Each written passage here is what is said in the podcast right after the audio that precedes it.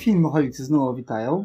Nie minęło tym razem pół roku, tylko już trochę mniej. No, jakoś w ciągu tygodnia będziecie mieli okazję zobaczyć kolejny odcinek, co jak na nas jest już całkiem niezłym osiągnięciem. Dokładnie tak. W tym odcinku poruszymy bardzo ważną kwestię. Tak, poruszymy kwestię najlepszych filmów roku, a jako, że w 2019 naprawdę było bardzo, bardzo dużo dobrych filmów, to mamy dla Was aż top 20 najlepszych filmów roku. Tak, zobaczymy jak nam wyjdzie to nagranie, czy nie będzie zbyt długo, w czego podzielimy to po prostu na dwa odcinki. Bez owijania w bawełnę zaczynamy od miejsca Za- 20. Tak, zaczynam od miejsca 20, ale jeszcze szybka informacja. Bo my, w przeciwieństwie do niektórych polskich mediów, w naszej topce wymieniamy filmy faktycznie z 2019 roku, a nie filmy, które miały polską premierę w 2019 roku. Więc nie uświadczycie żadnych Green Booków czy faworyt, tylko filmy z 2019 roku, które też niektóre ani się nie pojawiły w polskim kinie, bo chyba myślę, że ktoś mamy albo nie. Nie, nie, chyba, chyba żaden z tych się nie załapał, ale są też te filmy, które wyszły tuż przed galą Oscarową w styczniu, w lutym, bo jednak obchodzą nas premiery światowe, żeby nie mieszać roczników, bo uważamy, że to jest bez sensu. E, Tak, dokładnie. Szczególnie, że w tym roku mieliśmy całkiem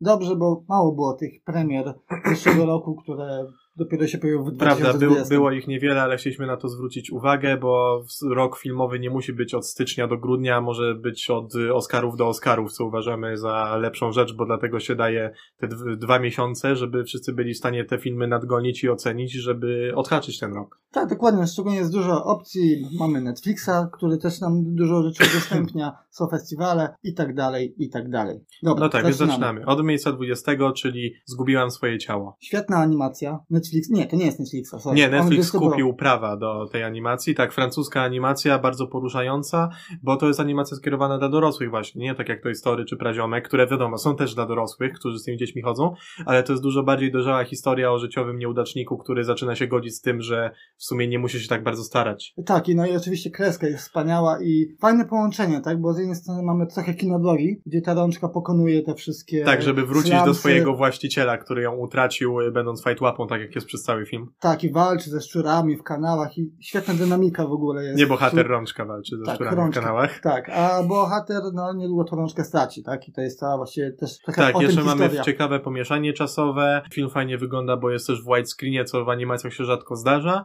i ma bardzo ciekawą kreskę pod uwagę, biorąc to, że to jest, wygląda jakby był rysowany ręcznie, nie był generowany komputerowo, ale z tego co widziałem, wydaje mi się, że to jest podobna technika, jaka była użyta w Spider-Manie Uniwersum, czyli że to było rysowane ręcznie na tabletach. Y, Tak, Że to no, było ręczne, mhm. rysowane w programie komputerowym, co daje takiego fajnego sznytu nowoczesnego i jednocześnie retro. Jest to bardzo klimatyczny, poruszający film. tak, no tak jak e, wspomniałem, jest pierwsza historia tej rączki, która pokonuje te wszystkie uliczki. Jest druga historia w sumie miłosna. Pewnego udacznika, który zakochał się przez domofon, tak de facto. Tak, I to dostarczając jest bardzo pizzę. fajny motyw. Ta rozmowa ich jest bardzo fajnie skonstruowana, chociaż z biegiem czasu to jest taki dla mnie trochę niezręczne to było trochę. Tak, Taki bo to właśnie na tym polega, że to jest taki film o akceptacji i o tym, żeby się nie bać, bo to może tak naprawdę popsuć nam relacje z ludźmi, kiedy nie, nie jesteśmy w stanie być z nimi wprost. Tak, no więc y, serdecznie polecamy tą animację. Właściwie to jest jedyna animacja w naszym zestawieniu. Jedyna? Tak. Tak, jedyna. Jedyna. Ale warto ją obejrzeć, szczególnie, że jest dostępna na Netflixie. Dokładnie. Miejsce 19, czyli The Lighthouse, czyli drugi film Roberta Eggersa, drugi pod szyldem A24 i tak samo jak Czarownica, jest to również horror w zasadzie, chociaż nie do końca, osadzony w XIX wieku w Nowej Anglii, tak samo jak Czarownica była osadzona w Nowej Anglii, ale w wieku XVI. Ważne jest to, że oba filmy są tak jakby historyczne, tylko to jest ciekawe, bo oba są filmami historycznymi, które z taką większą historią mają, mają mało do czynienia, są bardzo mikrohistorie. Historie pojedynczych ludzi osadzonych w, w takich czasach i W jednocześnie... czasnych pomieszczeniach. Tak, w czasnych pomieszczeniach, jednocześnie bardzo realistyczne i też nie pozbawione baśniowych elementów. No i ten sta- y, format 1.37 To nawet nie jest świetnie działa. 1.37, dzisiaj oglądałem filmik, że to jest format 1.19 do 1, który był używany tylko przez chwilę przez pierwsze filmy dźwiękowe, takie jak śpiewak jazz bandu i tak dalej. To nie jest Akademii format, tylko taki jeszcze odrobinę ciaśniejszy, kiedy były problemy ze zmieszczeniem No taś- niby, no ścieżki audio. tak. No To jak jest- w kinie go widziałem, y, to faktycznie jest ten format, nie jest taki pełny, tak nie jest to dokładnie 1.37. Tak, to jest jeszcze troszkę węższe, więc ten szczegół, że chcieli zrobić to aż tak bardzo retro, że to nawet nie jest ten typowy format, tylko jeszcze odrobinkę węższy i że faktycznie był kręcony na czarno-białej taśmie, a nie był zmieniany na czarno-biały potem i był kręcony starymi obiektywami z lat 20., sprawia, że ten klimat jest naprawdę namacalny i jeszcze biorąc pod uwagę to, że dialogi również są, się zgadzają z czasem akcji i zbudowali tą latarnię na wyspie też w całości od początku. I jest to film, który trwa 100 minut, który ma w zasadzie dwóch aktorów, a jednak cały czas jest fascynujący. Tak, i oczywiście no, Akademia olała strasznie ten film. A Przynajmniej chociażby- zdjęcia nominowani. No więc... tak, chociaż zdjęcie, no. no. ale aktorskie nominacje to powinny być bankowe, tak? Okradzieni. O, o Jezu, okra- okradzeni byli, zostali. Aż mi się język plącze, bo to jest wielka niesprawiedliwość. I zamiast nich byli nominowani papieże, którzy nie powinni być. Tak, no, Lighthouse, no w ogóle bez porównania, o wiele lepszy film. Miejsce 18. Portret kobiety w ogniu. Jest to film, który, którego Marcin nie miał niestety okazji obejrzeć, miał bardzo ograniczoną dystrybucję w Polsce, ale mi się udało i muszę przyznać, że to jest zdecydowanie jeden z najlepszych filmów tego roku, dlatego jest na tej liście i pewnie też jednym z najlepszych dekady i z najlepszych filmów y, romantycznych w ogóle. Jest to francuski film, który opowiada o malarce, która musi zrobić portret kobiety, która w ogniu nie jest, która ma niedługo wyjść za mąż, wiadomo, na siłę, bo wtedy były takie czasy, że wiadomo, małżeństwa były robione dla pieniędzy i dla statusu i jako, że ta dziewczyna za mąż nie chce wyjść, to ten portret musi być zrobiony w tajemnicy i ona pod pretekstem tego, że będzie z nią jej towarzyszyła i chodziła z nią na spacery, musi ją zapamiętać i nary- namalować w tajemnicy. I rzeczywiście między nimi wywią- wywiązuje się miłosna relacja. Jest to bardzo skromny i poruszający film, który jednak jest niesamowicie nakręcony, bo się wydaje, że to jest ten typ filmu, który powinien być nakręcony na taśmie, albo kręcony w cyfrze w 8K po to, żeby kolory były przepiękne i żeby wyglądały jak, jak na obrazie i to nadaje takiej świetnej namacalności temu fi- filmowi i, i tego klimatu. Bo to w ogóle przypomina trochę The Lighthouse, biorąc pod uwagę, że bardzo mało postaci jest w tym filmie. W zasadzie kwestie mówione ma chyba 5 czy 6 osób w całym tym filmie. Naprawdę niesamowite i bardzo polecam. A ja nie, bo go nie widziałem. Ale mogę jedynie powiedzieć, że na Metacriticu ma 95. chyba? Tak, 95 to jest drugi najlepiej oceniany film roku za Parasite na Metacritic. Więc jak go obejrzę, to wam o tym powiem. Ale teraz nie powiem, bo go nie widziałem. Ale ja powiedziałem, więc No. Kuba się wypro- poprodukował, ja mogę trochę pomilczeć. Miejsce 17. Małe kobietki. No tak, Małe Kobietki to jest ten film, który wiem, że jest dobry, ale do końca nie trafia do mnie tak bardzo. Tak, Chociaż bo Marcin wiem, jest że... sta- starym dziadem i nie lubi przegadanych filmów kostiumowych, które są nieco meta pod względem e, narracji. No tak. No trochę podobnie miałem z Lady Bird, który też tak, lubię też, ten też film.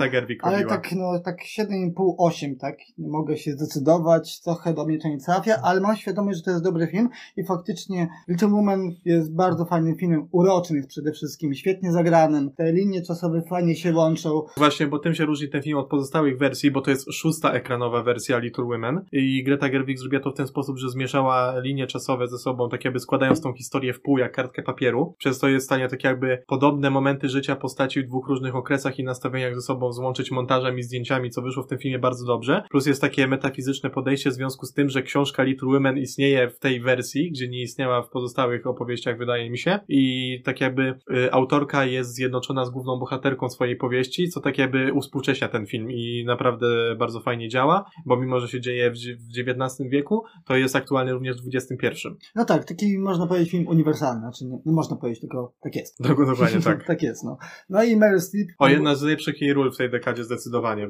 Jak zazwyczaj mam dość Meryl Streep, to w tym filmie się bardzo podobała, grając sarkastyczną, wredną ciotkę. I oczywiście świetna Saoirse Ronan, jak zawsze. Saoirse, Sersha, Sersha.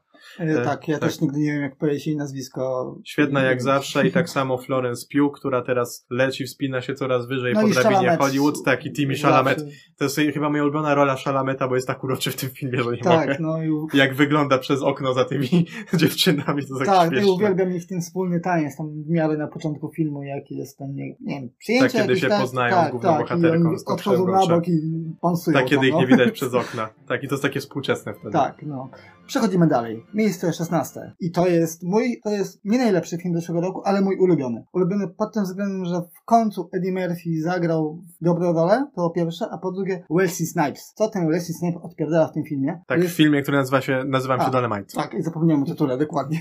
Bo tak się Marcinowi podoba, że on nawet nie będzie przedstawiał wam tego filmu. Dokładnie, wszyscy powinni wiedzieć, tak? Sam Tak, to jest, bo to jest historia właśnie e, czarnego komika, który tak jakby stworzył podwaliny pod rap i jednocześnie tak jakby stworzył podwaliny pod kino Black Exploitation, czyli exploitation, tylko skupiona na czarnej społeczności, bo wiadomo, Afroamerykanie w kinie dopiero od niedawna zyskują jakieś równiejsze prawa w swoich opowieściach, to było Moonlight Creed, czy Strata Compton, czy Black Klansman, a wcześniej grali dosyć drugoplanowe role i nie mogli pokazać swojej prawdziwej kultury w Hollywood zdominowanym przez białych ludzi, więc tej Rudy Ray Moore, którego gra Eddie Murphy, oczywiście jest oparte na faktach, jest taki mega ambitny, że on chce stworzyć coś, co przemawia do niego i do jego pobratymców. Czyli robi po prostu totalnie crazy film, w którym jest armia dziewczyn, które znają kung fu i on jest Alfonsem gangsterem, który w pojedynkę bije pięciu gości z FBI, którzy mają pistolety, ale wodzą podejść z tymi pistoletami, żeby on mógł ich pobić, bo jest stary i gruby i to jest tak niesamowicie uroczy film, że nie da się po prostu tym entuzjazmem w walce z systemem nie zarazić. Tak, no i przezabawny przede wszystkim. No, te wszystkie sceny, jak oni to kręcą, bardzo chętnie sobie muszę zobaczyć oryginał, bo to było chyba w pięć części w ogóle. Tak, w ogóle właśnie z tego co czytałem, to tak jakby y, jest to okręcenie pierwszej części, ale zmienili fakty pod tym względem, że wrzucili sceny z kilku różnych części. Tak, ta scena, jak oni chyba się biją przy tym samochodzie do bagażnika, tam wskakuje, znaczy wskakuje, wlatuje pod, pod, pod ciosem, to jest właśnie chyba nie z pierwszej części, tylko z jakiejś kolejnej. Tak, ale to sobie nie jest ważne, bo wiadomo, trzeba to jakoś syntezować, żeby miało to więcej sensu w dwugodzinnym filmie, żeby było, było tempo i żeby było większe znaczenie działań bohaterów i to wyszło super. Tak, no i świetny powód Ediego Murphy'ego. Mam nadzieję, że zdobędzie tą od, nagrodę odkupienia Złotej Maliny. To jest jedyna chyba kategoria w tych Złotych Malinach, które naprawdę szanuję, bo reszta to jest jeden wielki żart. No bo jednak wręczanie nagrody za najgorsze filmy to jest takie bicie martwego konia i to w sumie nie jest nic, z czego należy być dumnym. Tak, dokładnie, więc polecamy, jest na Netflixie. Kolejny tytuł. Miejsce 15 Uncut Gems. Kolejny tytuł również na Netflixie, który nie jest znowu filmem Netflixa, tylko został kupiony przez Netflixa w Europie, gdzie w Ameryce ten film leci w kinach, a u nas na Netflixie. Jest to film A24, który ma kolejny, drugi film na naszej liście i jeszcze, jeszcze jeden przynajmniej będzie, bo jest to najlepsza wytwórnia filmowa w tym momencie. I to jest film braci Savdi, twórców m.in. Good Time z Robertem Pattinsonem, którzy w zasadzie dla mnie są takimi duchowymi spadkobiercami Martina Scorsese, biorąc pod uwagę, że oni robią takie żywe, kryminalne filmy dziejące się w sercu Nowego Jorku, który taki ten brud i, i mm. jego taka intensywność jest naprawdę niesamowita. To jest film o jubilerze, który podejmuje same złe decyzje w swoim życiu i wpada w jego ręce bardzo, bardzo cenny kamień tytułowy, tu, z którym oczywiście on robi złe rzeczy i wprowadza go to w, w tarapaty. Tego jubilera gra Adam Sandler w jednej z najlepszych ról w swoim życiu, bo jak już wiemy, Adam Sandler jest tak ciekawym aktorem, że on potrafi zagrać w dziesięciu okropnych filmach, by potem zrobić jeden genialny. I no to tak, jest w zasadzie. Gadaliśmy o tym ostatnio tak. przy okazji Oscarów. I to jest właśnie taki, taki jego emploi, że on jest albo okropny, albo fenomenalny. I bracia Safdie napisali ten film w tak genialny sposób, bo to jest thriller, bardzo realistyczny, z, z elementami tak dziwnymi, że ciężko powiedzieć, że nie są realistyczne, bo czasami życie bywa tak nieprawdopodobne, że aż ciężko zaprzeczyć temu, -hmm. że jest mhm. prawdziwe. To jest taki właśnie siła odśrodkowa, że to jest fikcyjna historia, która została napisana tak, jakby wydarzyła się naprawdę. I to jest to, to co też mówiliśmy w poprzednim odcinku, że to jest film, który wygląda jakby był na faktach, nie będąc na faktach, no, tak, gdzie tak, The tak. Weeknd gra no, sam dokładnie. siebie i koszykarz Kevin Garnett gra sam siebie i oni są wplecieni w tą historię fikcyjnego bohatera w taki sposób, że można by uznać, że to się faktycznie wydarzyło. I są to są dwie godziny czystej adrenaliny i stresu, które sprawiają, że to jest po prostu jeden z najlepszych, najbardziej ekscytujących filmów roku. I kolejny film Paul Good Time, tych panów, którzy wyciągają z aktorów tyle jest tylko możliwe. Tak jak było z Pattinsonem w Good Time, tak samo Sandlera też wyciągają tutaj no tysiąc, tysiąc procent normę, tak? No. Więc przejdźmy dalej, teraz kolejny film, Midsommar. Na miejscu 14 i właśnie to jest kolejny film A24 na naszej liście. To kolejny film Aliego Astera, twórcy Hereditary. Kolej, kolejny horror nietypowy w jego wykonaniu, dużo bardziej nietypowy niż Hereditary, ponieważ trwa 2,5 godziny, dzieje się prawie wyłącznie w świetle dnia i w sumie mimo tego, że jest czasami przerażający i obrzydliwy, jest, jest dosyć komediowy. A opowiada o dziewczynie, która straciła rodzinę w powiedzmy nieszczęśliwym wypadku i jedzie ze swoim chłopakiem tak jakby badać szwedzki kult y, takich wieśniaków żyjących poza systemem, tak jakby do jego pracy y, magisterskiej, ale się okazuje, że ten kult ma wobec nich pewne plany i oczywiście to prowadzi do pewnych typowych horrorowych sytuacji, ale ten film wcale nie na tym polega. To jest tak jakby historia bardzo nietypowej terapii i powrotu do sił tej głównej bohaterki i z powodu swojego niesamowitego klimatu, zdjęć i aktorstwa też uważam, że jest to naprawdę fenomenalny film i wszystkim polecam. I kolejny film, którego nie widziałem. Dlatego się w ogóle nie odzywam. Ale, Ale chyba już, ostatni na tej liście. Tak, już teraz będę mógł coś więcej powiedzieć. Teraz przechodzimy do miejsca 13 gdzie mamy jedyny chyba film superbohaterski na naszej liście? Tak, tak jest. Tak, czyli nowi Avengers. Tak. Co tu dużo mówić świetnie zwieńczenie historii. Tak, zdecydowanie. Biorąc pod uwagę, że to był już ponad 20 film w tej tak, serii, który no. właśnie miał te początkowe fazy skończyć, to tak jakby waga na ramionach tego filmu była tak wielka, żeby nie spieprzyć tych wszystkich wielu wątków i łuków postaci. W dodatku ten film trwał trzy godziny, bo w sumie krócej się nie dało, ale naprawdę wyważyli to świetnie, podsumowanie jest poruszające i to, że ten film nie jest cały pod, podporządkowany akcji, a w większości jednak dialogom i emocjom postaci, tak, było super. No, jest mniej akcji na pewno niż w poprzednim filmie i też się trochę bałem, że po tej końcówce, którą dostaliśmy w poprzedniej części, to jednak nie utrzyma cały czas tego tempa, tej, te wszystkie wątki będą jakoś gorzej poprowadzone, ale poprowadzone są świetnie. No i końcówka jest tak emocjonalna, nie dlatego, że coś tam się dzieje w tej końcówce, tylko te napisy końcowe. Te napisy końcowe. Tak, z autografami oryginalnej z autografami, obsady, tak. że odchodzą starzy, wchodzą młodzi. Tak, i to jest takie smutne, że coś się skończyło, tak? Pewien rozdział w historii się zakończył. Tak? Ja w ogóle mam teraz dużo mniejsze zainteresowanie filmami tak, Marvela. Po Endgame trochę... mam wrażenie, że to jest to wszystko, co miało być. To jest, aż tak dobrze nie wyszło zakończenie, że szkoda to kontynuować, szczerze no, mówiąc. No dokładnie, tak więc naprawdę szkoda, znaczy na pewno będą jeszcze inne produkcje, które będą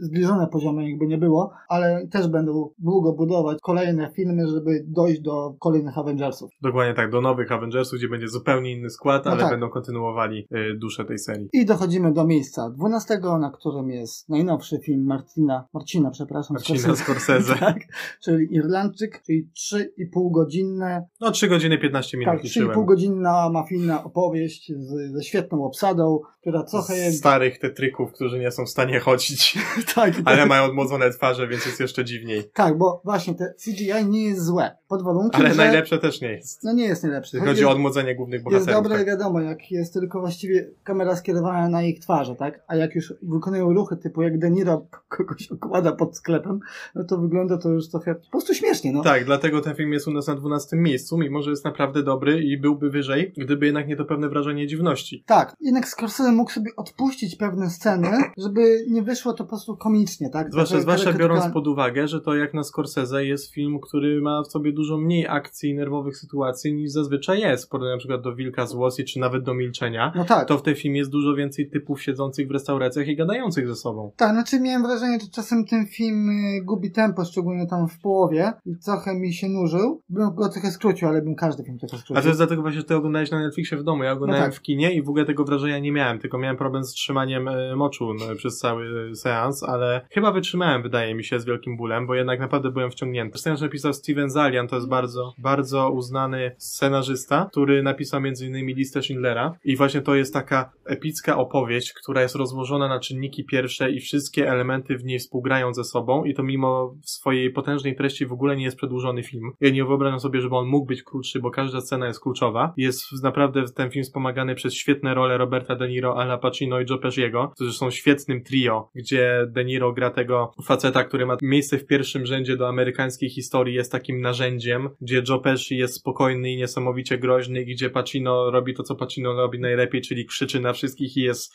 mega tak, intensywny. Jego, jego relacja z Grahamem też świetna. Graham tak, Steven Graham, aktor. taki brytyjski aktor charakterystyczny, który gra bardzo wkurzającego gangstera w tym tak, filmie. zresztą umie grać gangsterów, chociażby w Zakazanym mhm. Grał Ala Capone. Tak, i to co ciekawe jest w Irlandczyku to to, że mimo, że Scorsese często potępia tych swoich bohaterów, czy to Wilka z czy chłopaków z Ferajny, to tutaj jest to dużo bardziej namacalne, bo sceny przemocy są dużo mniej efektowne, a ostatni akt filmu, który ukazuje niezbyt szczęśliwą starość głównych bohaterów, jest tak. naprawdę smutny, dojmujący, widać, że bycie gangsterem się po prostu nie opłaca. Tak, tak, no szczególnie właśnie w tej końcówce to widać, jak relacja De Niro ze swoją córką, jak chce ją odwiedzić na przykład, idzie do banku, ona daje karteczkę. Ona daje karteczkę, zamknięta kasa, tak, to jest dokładnie. śmieszne. Nie chcę bo też czarny humor jest w Iranczyku tak, bardzo dobry, no. dużo jest przykładów scen, które są bardzo zabawne. I bardzo się cieszę, że Al Pacino wrócił do grania. Tak, prawda. No, I Joe Pesci też. No, bardziej niż Pacino, nawet mniej grał. Ale no, obaj tak. zrobili duży powrót, jeśli chodzi o porządne role. Tak, to właśnie, bo i w Hollywood zagrał Al Pacino i teraz wychodzi ten serial. Hunters, Hunters tak, tak, o polowaniu na nazistów w latach 70. Tak, więc w sumie też trochę Quentin to zaratuje. Prawda.